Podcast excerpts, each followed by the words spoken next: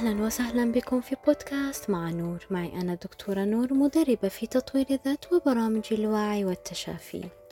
مرحبا بكم في رحلة وعي جديدة. مرحبا بكم لنستكمل رحلة الاستحقاق الذاتي. اليوم رح نتعرف على خطوات رفع الاستحقاق الذاتي. وأول خطوة رح نتكلم عنها اليوم تقبل الذات وتقبل المشاعر. الإنسان المستقر نفسيا هو الذي يشعر بالرضا عن حياته وعن ذاته وعن مشاعره يتقبلها بكل أحوالها ويقدرها ويستشعر بقيمتها واستحقاقها للسعادة. لا يعني هذا أن هناك من تمضي حياته دون الشعور بالضيق أو الحزن أو الشك في النفس.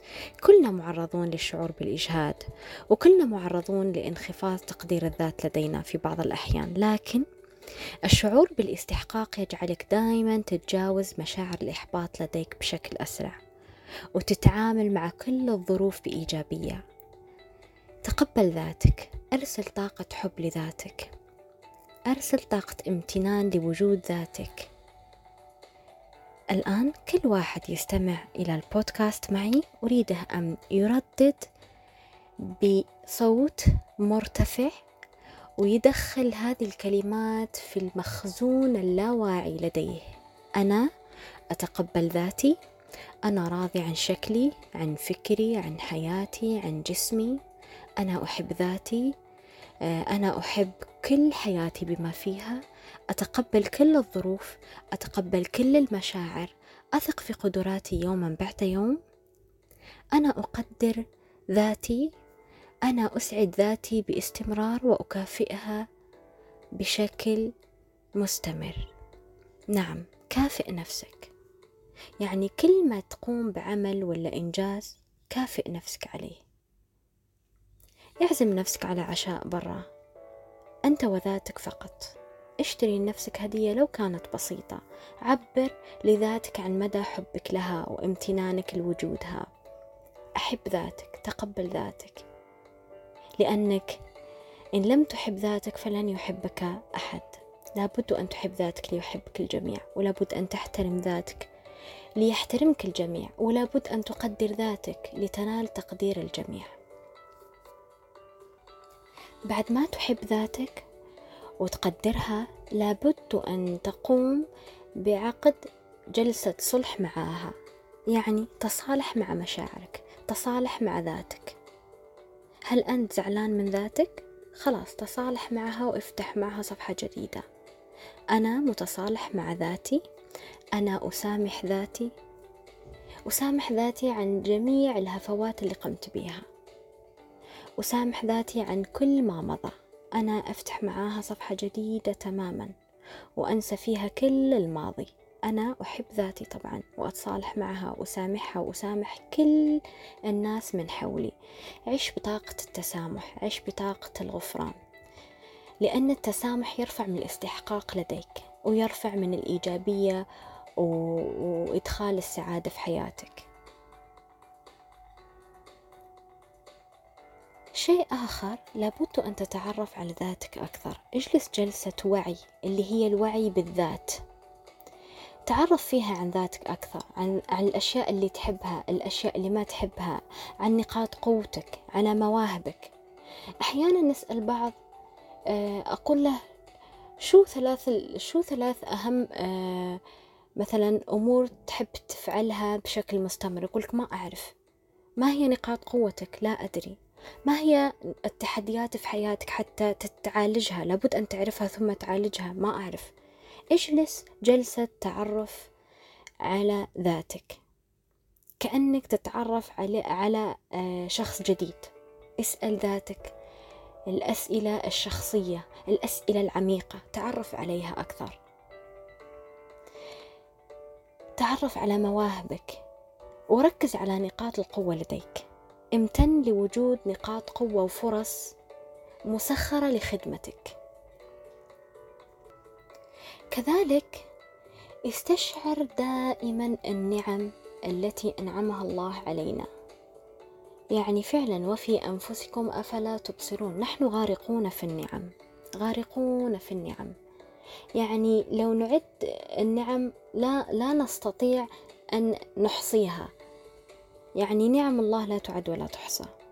نعمة آه، الإسلام والإيمان والخير والذكر والصلاة والصدق. نعمة الجمال ونعمة الصحة ونعمة الأهل ونعمة الأبناء ونعمة العلم ونعمة الحكمة ونعمة النوم ونعمة الأكل والمبيت والسلام والاستقرار.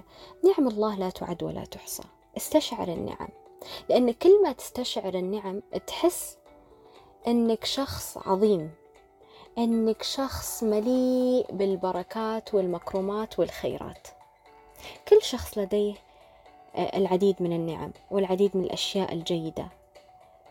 آه، كل ما يهاجمك الشعور بعدم الاستحقاق وضعف الثقة بذاتك تذكر وركز على آه، النعم لديك. لأن هذا يعيد التوازن والشعور بالجدارة إليك. استشعر النعم دائما.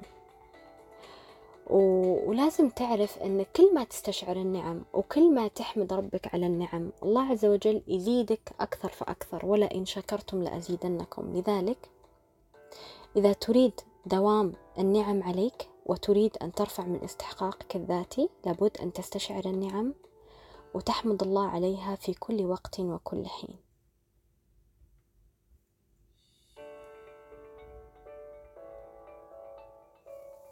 كذلك كن فخورا بنفسك. هل أنت فخورا بنفسك؟ قم بتدوين الإنجازات اللي تقوم بها على مدار الساعة لأن الشعور بالإنجاز يرفع من هرمونات السعادة لديك يرفع الدوبامين بجسمك. خصص مدونة ورقية أو إلكترونية وكل يوم خذ لك عشر خمس دقائق من وقتك واكتب فيها الإنجازات اللي سويتها خلال اليوم حتى لو كانت صغيرة. لأن هالإنجازات تخليك تعرف أنك أنت شخص منجز وناجح وطموح أيا ما كان الإنجاز اكتبه وراح تعتاد مع الوقت على تقدير نفسك والتركيز على الأمور الجيدة اللي تقوم بفعلها. الآن الآن أريدك أن تدون خمس إنجازات قمت بها اليوم. صدقني لو تعطي لنفسك فرصة أكبر ووقت أكبر راح تدوم فوق العشرين إنجاز. ويوم تخلص تقول واو ما شاء الله أنا قمت بكل هذا؟ أنا فعلا إنسان آه، جدير بالثقة أنا فعلا إنسان ناجح. والدليل أني قاعد أقوم بإنجازات كثيرة خلال يومي.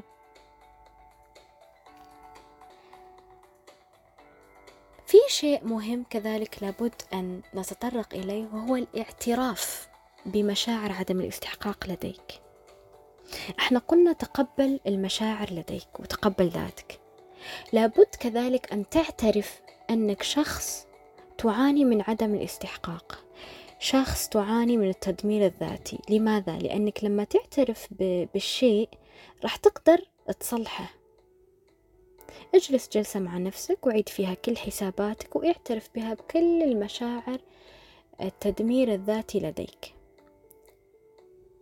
هذا لا يعني أنك قاعد تستسلم للشعور بعدم الاستحقاق لا أبدا. أنت راح تشتغل عليه وراح تصححه وراح تزيل كل العوائق اللي تمنعك من رفع الاستحقاق لديك. لأن بمجرد تحديد المشاعر والاعتراف بها راح يسهل عليك تجاوزها. لما تقر أني أنا فعلا عندي نقص في الثقة أو ضعف في تقدير الذات الآن حددت المشكلة ما عليك إلا أن تختار تغيير هذه المشكلة وترفع شعور الاستحقاق لديك. وبالتالي راح تصبح أكثر وعيا لوجود مشاعر الاستحقاق لديك. بعد ما تعترف بمشاعر عدم الاستحقاق لديك لابد أن تعرف ما الذي جعلك تشعر بعدم الاستحقاق؟ تعرف عن جذور وأسباب هذه المشاعر. في قواعد العلاج المعرفي السلوكي يقول لك لا يمكنك إصلاح ما لا تعرفه. لا يمكنك إصلاح ما لا تعرفه. لابد أن تعرف الأسباب الخفية خلف كل المشاعر اللي تجينا وكل الأمور اللي تحصل آه، في حياتنا حتى تقدر تعالجها. يعني لازم تقضي وقت مع نفسك في معرفة أسباب شعورك بعدم الاستحقاق. لابد أن تغوص في مشاعر اللاواعي لديك مشاعر عدم الاستحقاق لديك وتحاول تكتشف جذورها. أدري أنها ممكن نقع في آه، ذكريات مؤلمة لأن للأسف أحيانا تكون هذه الجذور مرتبطة بالطفولة ومرتبطة من تراكمات آه، سابقة. نحملها معانا آه، في كل مراحل حياتنا. لكنها صدقني خطوة أساسية في استعادة الثقة بالنفس. يعني إذا حاب تحقق الاستحقاق لديك وتكون أكثر إيجابية في مستقبلك لابد أن تسامح نفسك وتتحرر من المشاعر العميقة اللي تعيق إصلاح حياتك وتعيق شعور الاستحقاق الذاتي لديك. لابد أن تكتشف السبب الحقيقي. لابد أن تحلله وتتغلب عليه وتمسحه كأنه لم يكن يوما ما. وهذا رح يمثل خطوة كبيرة في طريق الكفاءة والثقة لديك. في الحقيقة هذه الأسباب تكون مخزنة في, في اللاواعي لدينا. والحواجز هذه الموجودة في اللاواعي تعمل في الخفاء وتعمل تلقائيا على تدمير ذواتنا وتدمير العديد من القوانين الكونية اللي لابد تشتغل لصالحنا. أه وإحنا لسنا قادرين على شوفتها. ما نقدر نشوفها بالعين المجردة أو نستشعرها على مستوى العقل الواعي. لذلك ما نقدر نعالجها. فأنت لما تطلع هذه الأسباب والتراكمات والمشاعر الخفية من اللاواعي وتنقلها إلى, اللا... إلى العقل الواعي خلاص راح تفقد قوتها. لأنك صرت تعرفها صرت تشوفها. صارت على السطح. ما خلاص طلعت من العمق ومن آه من المكان المخزون داخل. ما عليك إلا أن تقرر التخلص منها. وخلاص. قرر كيف تتحرر منها وامضي قدما في استحقاق في استحقاقك للسعادة وتحقيقك لأهدافك. تحرر من جميع مواقف الماضي. لأن غالبا ما يأتي الشعور بعدم الاستحقاق من مواقف الماضي. يعني قد يكون الشخص مثلا آه، أثناء طفولته عانى من بعض الصدمات ولا من آه، من التنمر أو أحيانا الإنسان يقوم بذنب أو خطأ يبقى دائما آه، يحمل معاه النتائج النتائج معه النتائج السلبية معه. أو ممكن تعرض لتجارب سلبية أثرت على نظرته للعالم ونظرته لنفسه بصفة خاصة مثلا. آه، ممكن آه، مشاعر الغضب والحزن رافقتك منذ الطفولة ومنذ آه، الماضي البعيد. هناك في الحقيقة دراسة تقول أن 87% ممن تعرضوا للتنمر في مراحل حياتهم المبكرة انخفض لديهم احترام الذات والشعور بالقيمة. وجعلهم أكثر حساسية تجاه النقد وتجاه آه، القلق وتجاه آه، ضعف الثقة بالذات. وتلقاهم دايما ينسحبون من الأحداث الاجتماعية وينسحبون من تحقيق أهدافهم وينسحبون آه، من مثلا المواقف الصعبة اللي تمر بيهم في حياتهم. يعني ما يتحملوا.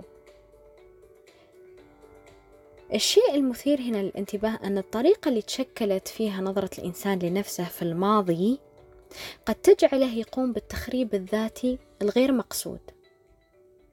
كل ما يجي يصلح شيء يفسد شيء آخر في حياته وممكن ما عنده شيء يصلحه أبدا. لذلك لابد أن تتحرر من مواقف الماضي. وتقوم بالتحسينات الإيجابية وتخليها تشتغل في صالحك.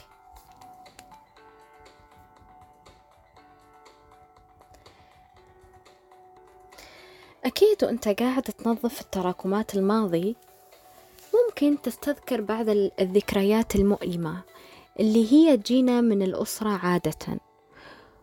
وهي لما تجي الأم وتقارن الولد بولد الجيران ولا ولد أختها ولا بأي شخص آخر وتخلق عنده مشاعر المقارنة. وهذه المشاعر راح تخلي الاستحقاق الذاتي عنده منخفض جدا. لذلك كخطوة أساسية في رفع الاستحقاق الذاتي لديك لابد أن تتوقف عن مقارنة نفسك بالآخرين. لا شيء يقلل من احترامنا لذواتنا أكثر من المقارنات. يعني إذا نظرت إلى جوانب تفوق الآخرين عليك باستمرار فإن مشاعرك نحو نفسك راح تزداد سوء وراح تس... سوف تعتاد على ملاحظة كل ما يقلل قيمتك لا ما يزيدها. مثلا تقول لماذا فلان عنده أنا ما عندي؟ لماذا فلان سعيد وأنا إنسان تعيس؟ لماذا فلان ناجح وأنا إنسان غير ناجح؟ عيش في حياتك لا تعيش في حياة الغير ولا تقارن نفسك بالغير لأن كل واحد عنده النعم وعنده الظروف الإيجابية وأنت ما تعرف عن حقيقة حياة الأشخاص ربما أنت تشوف الظاهر منها فقط. لذلك المقارنات سلوك مضلل للغاية. راح تدمر ذاتك وراح تدمر تقديرك لذاتك بشكل خطير وشكل كبير جدا. توقف عن مقارنة نفسك بالآخرين عيش في حياتك ولا تتتبع حياة الآخرين.